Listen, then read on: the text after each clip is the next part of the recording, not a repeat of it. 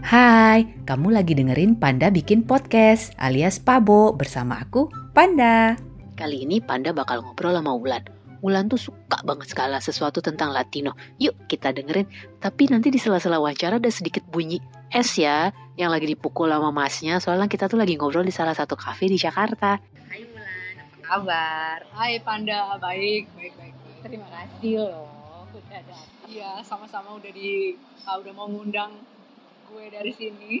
Iya, jadi kita hari ini mau bahas soal film-film dan khususnya Latino ya, film aktornya, terus bagaimana soal kehidupannya mereka dan bagaimana soal pandangan khususnya industri film Amerika. Lan, Hmm. gua kan tahu lo suka banget soal anything about Latino nih. Betul. Nah, sejak kapan lo suka film Latino atau aktor Latino atau anything yang berbau dengan Latino gitu? Kalau aktor sih sejak nonton sejak Andy Garcia ya. Andy Garcia. Andy Garcia. Sejak, sejak lihat Andy Garcia di TV gitu. Nah, dulu kan tahun 9 mungkin 98 kalau nggak salah. Ingat gitu. Jadi nonton When a Man Love a Woman, tapi filmnya sendiri memang produksi 94. Tapi kan eh, biasanya film-film film-film bioskop itu kan nongolnya di TV. RCTI mungkin kalau nggak salah. Nah, itu beberapa tahun setelah ada di bioskop kan tahun 94 Oke. belum nonton lah gitu maksudnya masih umur berapa dulu masih SD Ya, kita baru lahir itu. masih SD ya nggak mungkin juga dia di diizinin nonton di bioskop Oke, berarti Andi Garcia yang bikin yang memicu kesukaan lo dengan Latino Latino gitu ya. Iya. Oke, terus apa nih yang lo paling suka dari Andi Garcia? Mungkin fiturnya dia, atau mungkin cara ngomongnya, atau mungkin ganteng sih emang gue akuin dia ganteng. betul dia memang dikaitkan dengan film memang dia talented karena peran-peran peran-perannya beda ya. Wala- walaupun pada awalnya memang dia itu eh, entah entah karena masih awal dan dulu nggak bisa nolak. Jadi eh, peran-perannya di- dia waktu masih awal itu selalu berbau-bau Latin lover gitu loh. Oh iya iya sih, di Godfather juga kan. Iya, oh, The Godfather, Eight Million Ways to Die. Jadi ya terkenal ya seksi playboy ya terus eh, dan malah jadi orang jahat sih gitu. Iya, iya. Lebih sering lebih sering begitu. Mukanya cocok sih sebenarnya. Mukanya cocok karena ter- terlihat galak. iya iya. Dia dijadiin apa pun sebenarnya ganteng sih. Mau jadi orang jahat, orang baik, Iya. oke lah. Gue juga setuju. jadi dia ini termasuk aktor favorit lo dong ya. Iya. Oke, terus film favorit lo mau yang ada Andi Garcia-nya, khususnya film tentang Latino gitu ya. Favorit itu apa? Yang dari Amerika atau yang di Apa aja dari Amerika atau yang dari luar Amerika, Amerika Serikat ya kita ngomong. Oke, kalau yang maksudnya tema Latino atau ada aktor Latinonya di dalam? Dua-duanya, ah, yang tema Latino atau yang Oh, kalau yang bener yang bener-bener ini ya menggambarkan kehidupan orang Amerika Latin sih itu Mama Tambien. Oke, kan? oke, Gael Garcia. Ah, ganteng dua-duanya ya. Itu kan film keluar 2001 tapi juga baru nonton beberapa tahun setelah itu. Filmnya itu emang kenapa menurut lo itu sangat menunjukkan banget soal budayanya kehidupan orang Amerika Latin gitu. Eh, itu kan film eh, masa-masa mereka masih eh, masih muda dan nggak menggambarkan orang yang apa ya transisi dari muda ke dewa dari dari apa anak remaja ke dewasa itu kan mereka kan di film itu kan traveling ya ceritanya Iya, iya. kan. Eh, terus godain perempuan kenakalan kenakalan remaja Eh, di di Amerika Latin itu sih mungkin eh, film-filmnya Alfonso Alfonso Cuarón Alfonso Cuarón. eh, sorry Alfonso Cuarón kalau nggak salah Oh, iya. itu kan memang ya beda lah dengan film-film Amerika Iya, Amerika iya, ya iya. Karena emang kulturnya juga beda ya. Mm, Jadi bener-bener. lo merasa ini sebenarnya orang orang Amerika itu orang Meksiko kan ya itu ya, Mm, emang iya. seperti itu kan ya. Mm, Ya, dan mereka tuh sangat fun, istilahnya mereka kalau bisa dibilang tuh bebas Be- ya. di ya fun memang Iya, fun kan, ya lebih karena mereka lebih kalau Latino kan lebih kekeluargaan gitu Iya. ya beda dengan orang uh, US yang lebih individualis gitu Iya. Ya, orang baru kenal aja misalnya kalau dengan orang Latin kadang-kadang kalau baru kenal belum- lama gitu kadang diajak main sama sepupu sepupunya mereka gitu kan Lo punya pengalaman gitu kan? Diajak main sama sepupunya langsung. Oh oke oke, seru banget banyak yang ganteng dong. oke ada lah oke banyak kan. Nah, lu bisa bahasa Spanyol? bisa Oke, mungkin itu juga salah satu alasan lo mau belajar bahasa Dulu, Spanyol gara-gara Eh, Garcia. awalnya ya aw- ah, kalau belajar bahasa Spanyol tuh gara justru bukan gara-gara film Latino karena kalau nonton film Latino film produksi uh, Amerika Latin itu kan ada bahasa Inggrisnya dulu Iya. kalau belajar bahasa Spanyol itu pada awalnya sih karena pengen tahu arti lagu-lagu Andi eh, sorry, Alejandro Sanz. Oh, Alejandro Sanz. Oke. Tapi sekarang beda. Belajar bahasa Spanyol buat cursing di Twitter. Oh, oke. Buat maki-maki kondisi sosial politik Indonesia. Berarti kalau yang mau memantau lo harus pakai kamus bahasa Spanyol ya. Iya.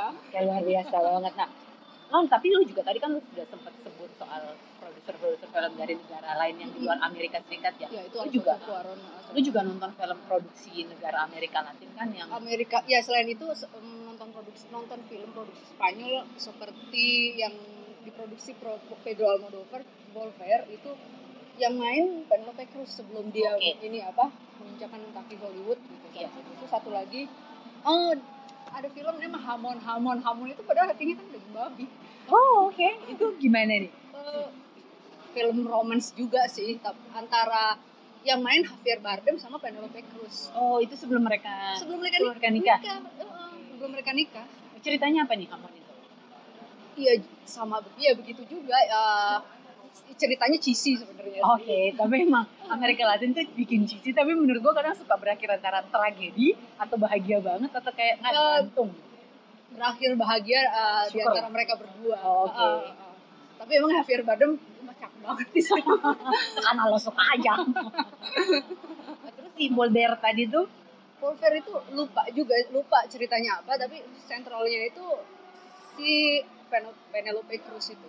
Nah, tadi lu udah se- sebut ini ya soal film-film yang Amerika Latin juga terus juga lu nonton yang buatan Amerika Hmm. Amerika Serikat ya dalam hal ini ya terus menurut lo bagaimana orang-orang Latino itu digambarkan di dalam film-film dalam si si Amerika Serikat ya. Jadi ada ada yang yang bisa gue rangkum sih ada empat penggambaran Oh, banyak orang juga ya orang-orang aja tuh empat penggambaran orang Amerika Latin di film-film produksi Amerika ya. oke Jadi yang pertama tuh uh, all made all the time. Banyak banget, sering banget. Uh, perempuan yang terutama Iya, digambarkan iya. sebagai PRT gitu ya Iya, bukannya enggak ya ya gue bukan mau bilang PRT itu jelek enggak gitu Iya. maksudnya memang kurang kurang beragam gitu Iya. penggambaran perempuan-perempuan di film Amerika Latin memang kurang beragam nah uh, contohnya kan Jennifer Lopez tuh Made, Iya. Made in Manhattan Iya, iya. Uh, gue nonton tuh sama Ralph Fiennes Iya. 2002 ya kalau nggak salah tuh filmnya. Nah terus tapi pen- sempet sempet beberapa saat lalu tuh ngecek juga ternyata ada aktris namanya ini aktris senior tapi memang udah almarhum. Eh, lupa lupa Ontiveros namanya dia pernah bilang bahwa saya tuh udah main jadi pembantu 150 kali. wow Terus dia padahal pernah pernah bilang pernah ini ya pengen pernah confess bahwa sebenarnya dia pengennya sih eh, memainkan peran-peran yang lain lagi- yang lebih beragam misalnya jadi perempuan lesbian atau jadi an- anggota dewan kota atau jadi hakim gitu. dia pengennya main seperti itu tapi memang seringnya ditawari oleh sutradara main sebagai iya. pembantu. Heeh. mungkin juga karena di film yang diproduksi Amerika itu emang skripnya juga tuh lebih mencari tipe Latino yang untuk dijadikan seperti itu ya. Iya iya. juga si produsernya ini punya pemikiran di kepalanya sendiri. Iya. bahwa Latino itu cocoknya cocoknya- perannya seperti iya itu. ya sama seperti yang di Garcia waktu awal-awal karirnya kan. Iya. Mm-mm. benar-benar. Nah ini yang pertama. Yang kedua apa? Tadi lu sebut ada empat kan ya? Nah kalau laki-laki biasanya Latin lovers. Oh gue setuju kalau yang itu. Seksi terus uh, playboy uh, apa namanya? Uh, good in bed.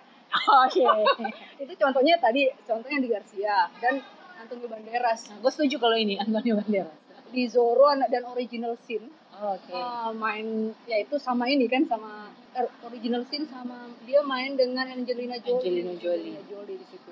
Terus uh, yang ketiga tuh ya perempuan uh, kalau perempuan selain tadi uh, digambarkan sebagai PRT juga digambarkan sebagai ini apa perempuan Latin punya sex appeal tinggi. Iya, emang iya sih. Ya contohnya itu uh, kalau nonton Desperate Housewife iya nonton uh, Eva Longoria iya dia di situ uh-uh. kan mm, jadi perempuan yang godain tetangganya. Gabriela Solis Ke- Iya dia jadi Tetangganya. Iya. tetangganya yang muda Ah, Yang tukang kebunnya. iya itu salah satu Iya, iya, contohnya iya. Ada juga tuh satu ak- aktris yang rambutnya panjang yang istrinya Joe Manganiello, Sofia Vergara. Sofia Vergara Ah, itu mah seksi sekali. di film apa ya Ah, Sofia Vergara main film apa ya? Gue lupa tapi dia main serial. oh main serial ya nggak nonton sih nggak ngikutin juga sih gue lupa nama serialnya ke filmnya dia tuh dulu Hmm. dia main ini kalau nggak salah dia main di Four Brothers oh main di Four Brothers Oke. nah ini ada satu lagi atau yang apa stereotip uh, cowok Latin ya penjahat ya selain Iya. itu tadi selain apa selain Latin lover penjahat ya Iya. udah udah itu nggak terhitung banyaknya ya yang di Garcia misalnya jadi di film Godfather kan jadi mafia terus Iya. di Eight Million Way to Die itu malah udah jadi Latin lover jadi pengedar narkoba pula. Iya sih karena memang kayak kebanyakan yang film-film masuk di Indonesia orang Latin itu pasti gangster, iya betul. kartel, Iya. gitu kan terus dengan gaya tau kan yang pakai kalung. Iya pakai kalung sampai apa pakai kemejanya cincin. kemejanya yang di, dikancing di atas Iya, leher, iya. terus bawahnya dibuka gitu kan. Iya betul. Memang memang rasanya kayak gitu kan gaya atau itu cuma penggambaran enggak dari film-film Amerika kayak gitu. Kalau di Meksiko nggak seperti itu kok. Oke. Enggak, nggak seperti Berarti itu. dia sama aja kayak orang di Indonesia gitu yang bajunya santai biasa aja. Iya, iya. meskipun dia kartel. Nah itu gua nggak pernah ketemu kartel. Nggak tahu kalau itu. Oke gue taunya pastel sih.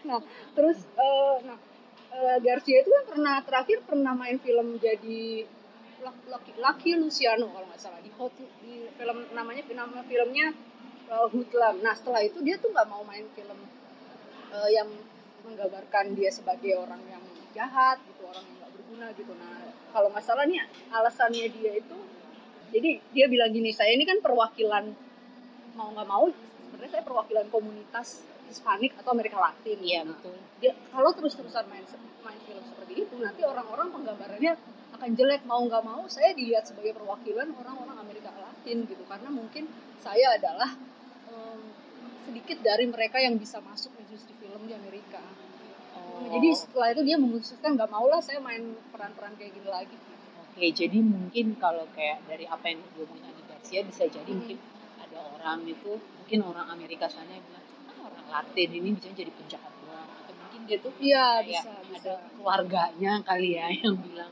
oh jangan memperburuk citra kita yang istilahnya bagi mungkin kalau ya omongan-omongan di Iya. sehari-hari gitu ya Benar, ya benar, benar. Oke, jadi ya gini deh ini uh, ayahku aja pernah bilang nanya emang orang Latin tem temperamen ya? Gitu. Pernah loh nanya gitu. Oh ya? iya. Padahal kan kalau lu bilang ayah lo sendiri bersentuhannya dengan orang Latin. ya enggak. Enggak. enggak ya ya ya ayah gua enggak enggak bersentuhan dengan orang Amerika Latin ya. Ya makanya mungkin itu juga dia juga taunya kan dari film, film iya kan, berita, Nah, emang beritanya yang masuk di Indonesia kan nggak pernah bagus-bagus ya. iya betul negara narkoba lah Betul. Meksiko Kolombia Ah, iya soal kan penculikan lah, Penculikan. itu kan. Oke, Ya, terus pad- Ya, padahal orang jahat mah di mana-mana kan benar-benar. Nah, terus apalagi nih eh, di penggambarannya selain itu? udah itu aja sih Udah empat itu empat aja yang itu lo aja perhatiin dari film-film yang yang- nonton khususnya yang produksi. Amerika gitu ya. Nah, menurut lo stereotipe ini dampaknya apa sih? kalau dampaknya ini jadi eh, ya meski- meskipun banyak orang bilang ah cuma film ah cuma film. Tapi kan kadang-kadang ini juga ya kita ber, kita nah, akhirnya mau mau mau secara nggak sadar masuk ke alam pemikiran kita eh, wah orang Latin begini orang Latin begini. Nah terus nah ini ada ada sepe- ada sebuah survei gitu. Jadi hmm, ada nam- namanya lembaga Southern Poverty Law Center itu ada LSM yang bergerak di bidang hak sipil Nah, 77% perempuan Latin katanya pernah mengalami pelecehan seksual di tempat kerja. Jadi di mereka tuh kayak diobjektifikasi, dianggap sebagai objek seks aja karena dianggapnya tidak pintar dan pemalas. Oh, ini Hmm, mungkin kalau itu dikaitin sama tadi yang lu bilang kayak simbol seksi itu Iya, ya. iya. Oke. Cuma jual badan doang gitu. Itu Iya. dianggap mereka dia di tempat kerja tuh di, dilecehkan. Karena itu ya karena salah satunya ya faktor film-film juga. Iya, iya. Ya padahal orang Latin yang orang Latin kan yang pintar juga ada. Ya. Itu contohnya politisi Alessandria Ocasio-Cortez. Oh iya, yang hits banget yang Iya. Amerika sana itu ya.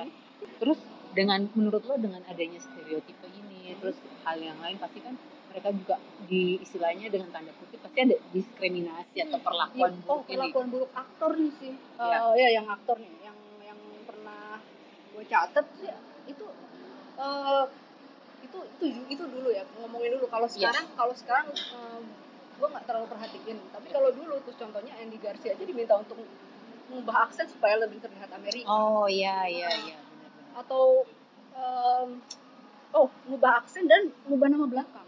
Oh biar lebih Biar lebih Amerika, Amerika, iya, biar biar, lebih ngejual gitu. iya ya. biar lebih ngejual. Tapi akhirnya dia mau apa nggak? enggak. Oh ya bagus dong. Dia nggak mau. Kalau kan, uh, namanya- itu, itu agen yang yang ini ya uh, yang minta dia untuk seperti itu. Jadi dia bilang katanya kalau misalnya saya ngubah nama gitu saya seperti kehilangan uh, identitas saya. Oke. Hmm, dia bilang gitu. Ya meng- mengkhianati diri sendiri gitu.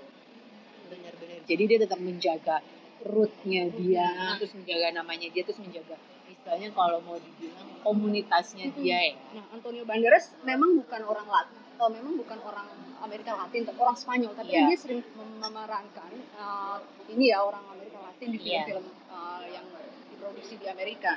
Dia dia juga dia juga bilang belum lama ini di wawancara sama Financial Times dia bilang gini jadi dia frustrasi karena tak banyak opsi di Hollywood uh, yang uh, apa yang bi- bisa dia dapatkan karena dia lebih sering ditawari itu peran-peran sebagai Latin lover. Iya iya. Makanya Pokoknya jadinya itu itu aja iya itu, perannya itu gitu aja. Dia dia dia ngaku dia ini sih kecewa. Eh, malah dia bilang gini maybe because I was working in a place where I was handicapped and I didn't have access to all character Mhm. uh, because my accent. Dia dia ngaku sendiri. Ya memang Iya. aksennya nggak berubah. Aksennya kan tebel banget ya. Aksennya sangat Spanyol. Dan apa mungkin dianggap juga oleh sut- sutradara ini nggak Amerika banget gitu. Iya, ini iya. nggak nggak mewakili orang Amerika gitu.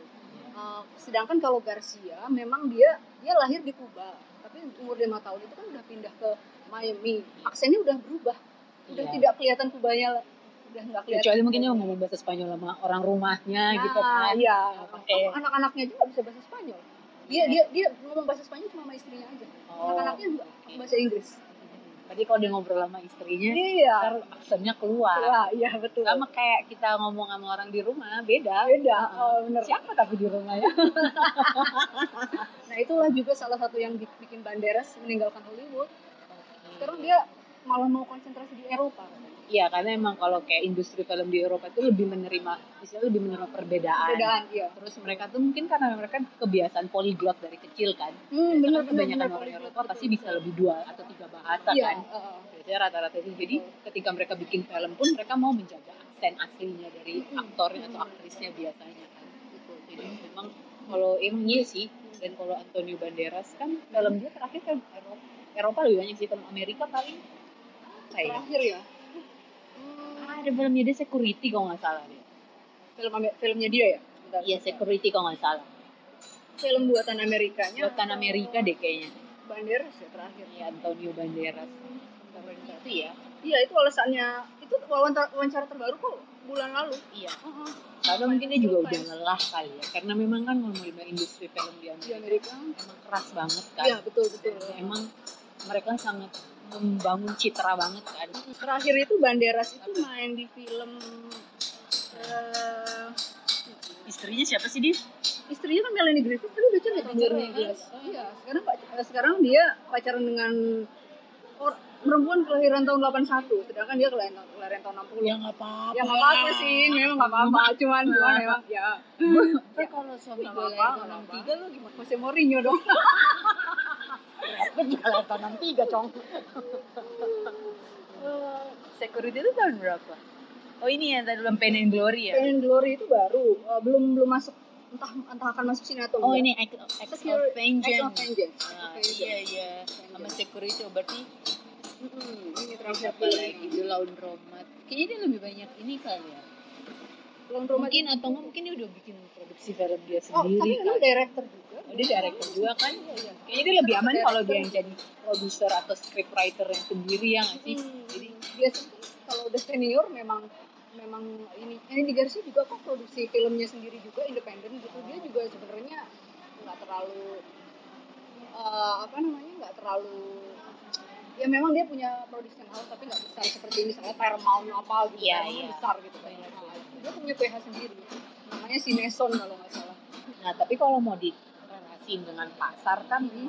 kalau khususnya di industri film Amerika kan Hmm, hmm. mereka kan sangat senang banget apalagi kalau orangnya itu mukanya Amerika banget terus pasti kan selalu di dalam film itu pasti ada orang baik mengalahkan orang jahat iya istilahnya semacam the hero beat the heavy gitu Heavy, kan iya. nah dan kecenderungannya itu pasti orang jahatnya pasti dari sosok Latino iya betul betul.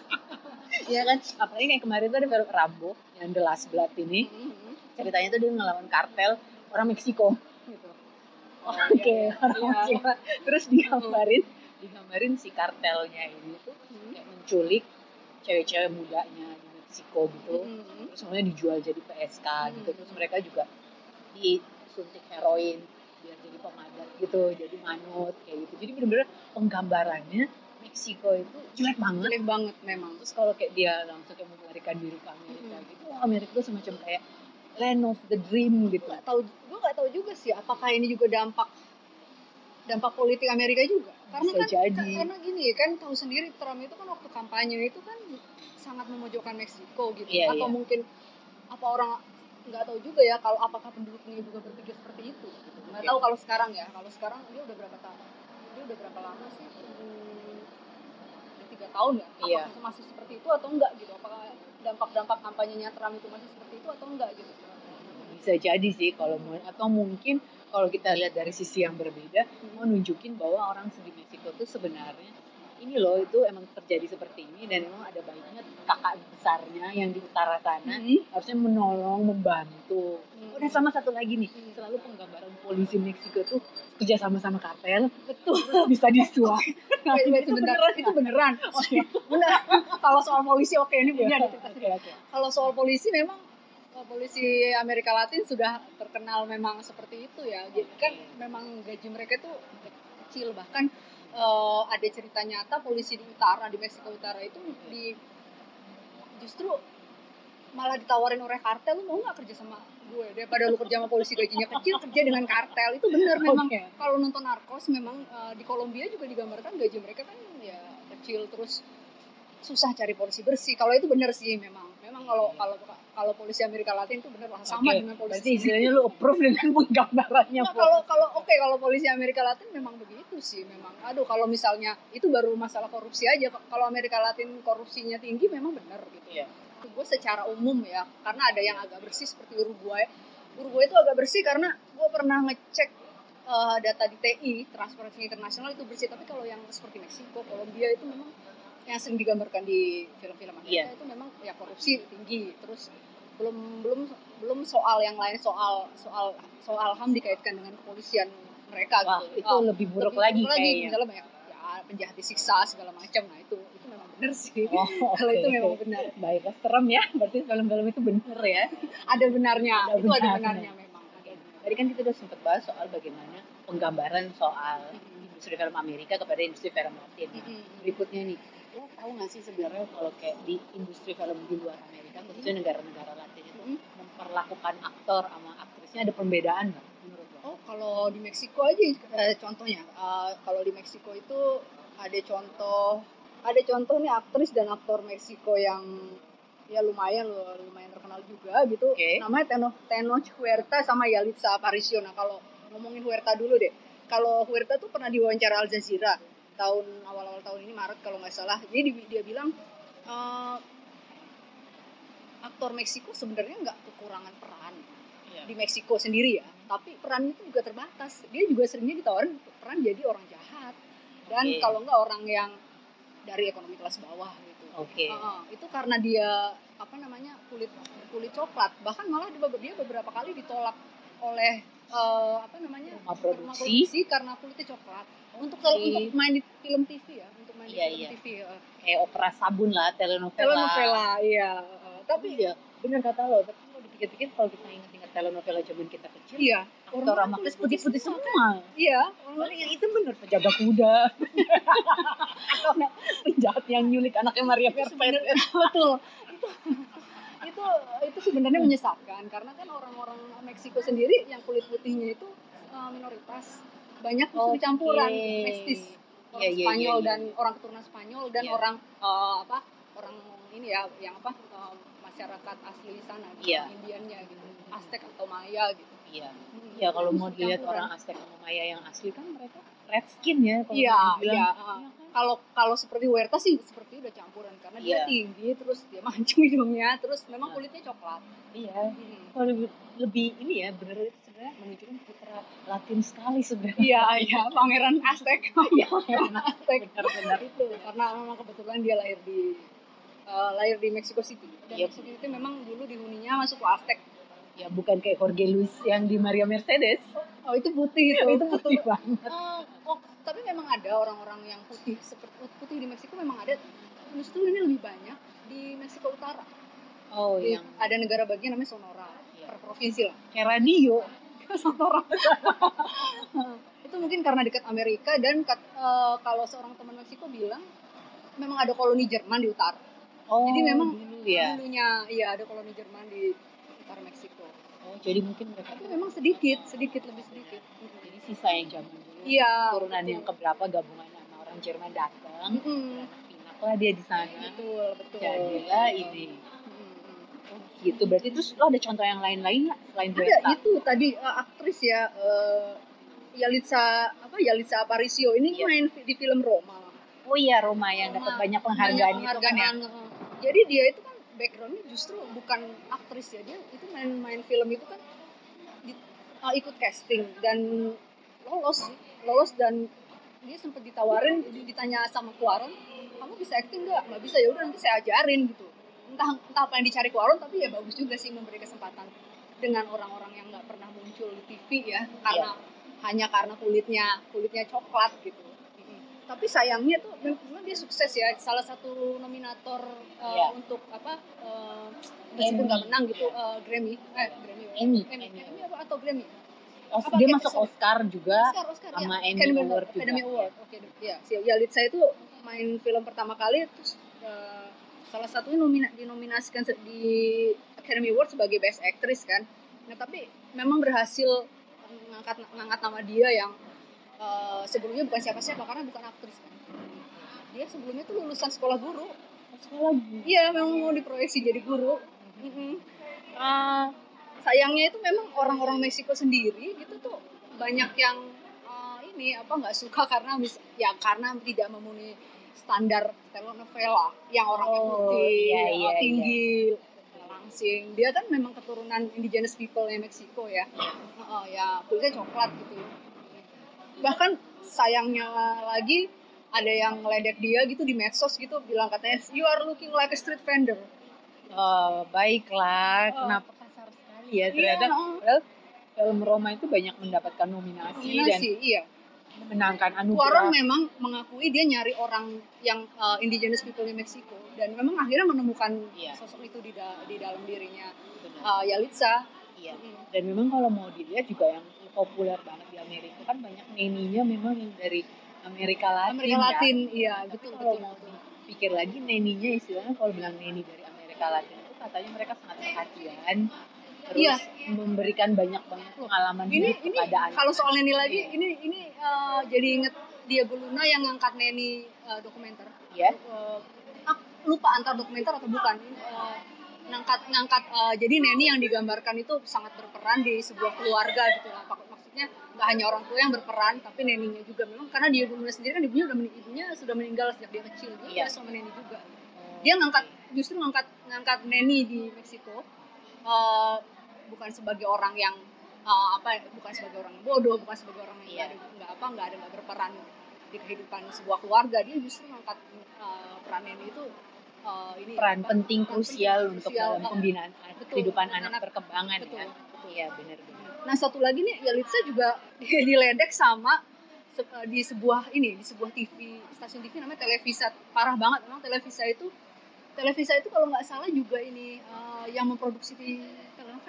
Oh, Nah oke. ya yang seperti itu tuh eh, yang memang udah jelek banget citranya Televisa itu karena sangat stereotip, banget. Em, dia tuh di situ di, ada jadi ada yang ada acara parodi, ada yang menggambarkan dia tuh digambarkan di ada yang menggambarkan wajahnya Yalitza sam, dengan hidung palsu gitu deh pokoknya. Oke, jadi ini kayak dibikin Dibikin Photoshop gitu kan. Hmm, Terus dibikin dia mungkin sesuai memenuhi standarnya si Televisa kali ya. Gue belum lihat sih gambar meme-nya, tapi pasti inilah istilahnya kayak mendiskreditkan Iya, dia iya, bisa pasti. mendiskreditkan Yalitza. Iya. Itu menyebalkan. Karena kalau dari pengalaman lo sendiri dalam kehidupan sehari-harinya orang Amerika Latin itu ada perbedaan gak sih ketika dia memiliki warna kulit yang tidak sesuai harapan atau ketika warna anggaplah berarti karena di televisi nunjukin aktor aktris yang putih putih gitu itu kan ada sih sebenarnya eh eh, memang ini sih udah tapi memang or- di diakui di memang pernah baca baca apa ada artikel gitu orang Meksiko sendiri memang mengakui sih memang ada rasisme rasisme perbedaan warna kulit ya Iya. memang ada gitu yes, ada memang di dalam dalam apa kehidupan mereka sehari-hari gitu yang kulit putih dianggapnya lebih uh, apa lebih status sosialnya lebih tinggi gitu. Iya, iya. Oh iya, selain di film gitu, uh, di film mungkin ada sosoknya Yalitza yang bisa mengangkat orang-orang asli Meksiko. Tapi kalau di hmm, ini di misalnya iklan, misalnya iklan dan iklan apa pun gitu ya, TV entah iklan yang dipajang di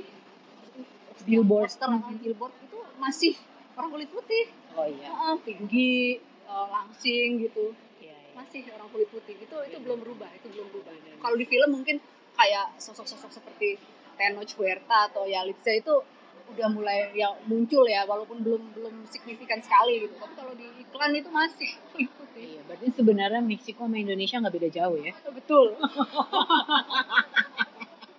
Berarti itu mereka juga masih berusaha untuk mengikis itu. Iya. kan sebenarnya kalau mau lihat balik kalau di Indonesia kan kita juga multikultur, Mhm, betul, multi ras kayak gitu. Kalau berarti mereka juga bisa sebenarnya bisa mengangkat hal itu. Bisa.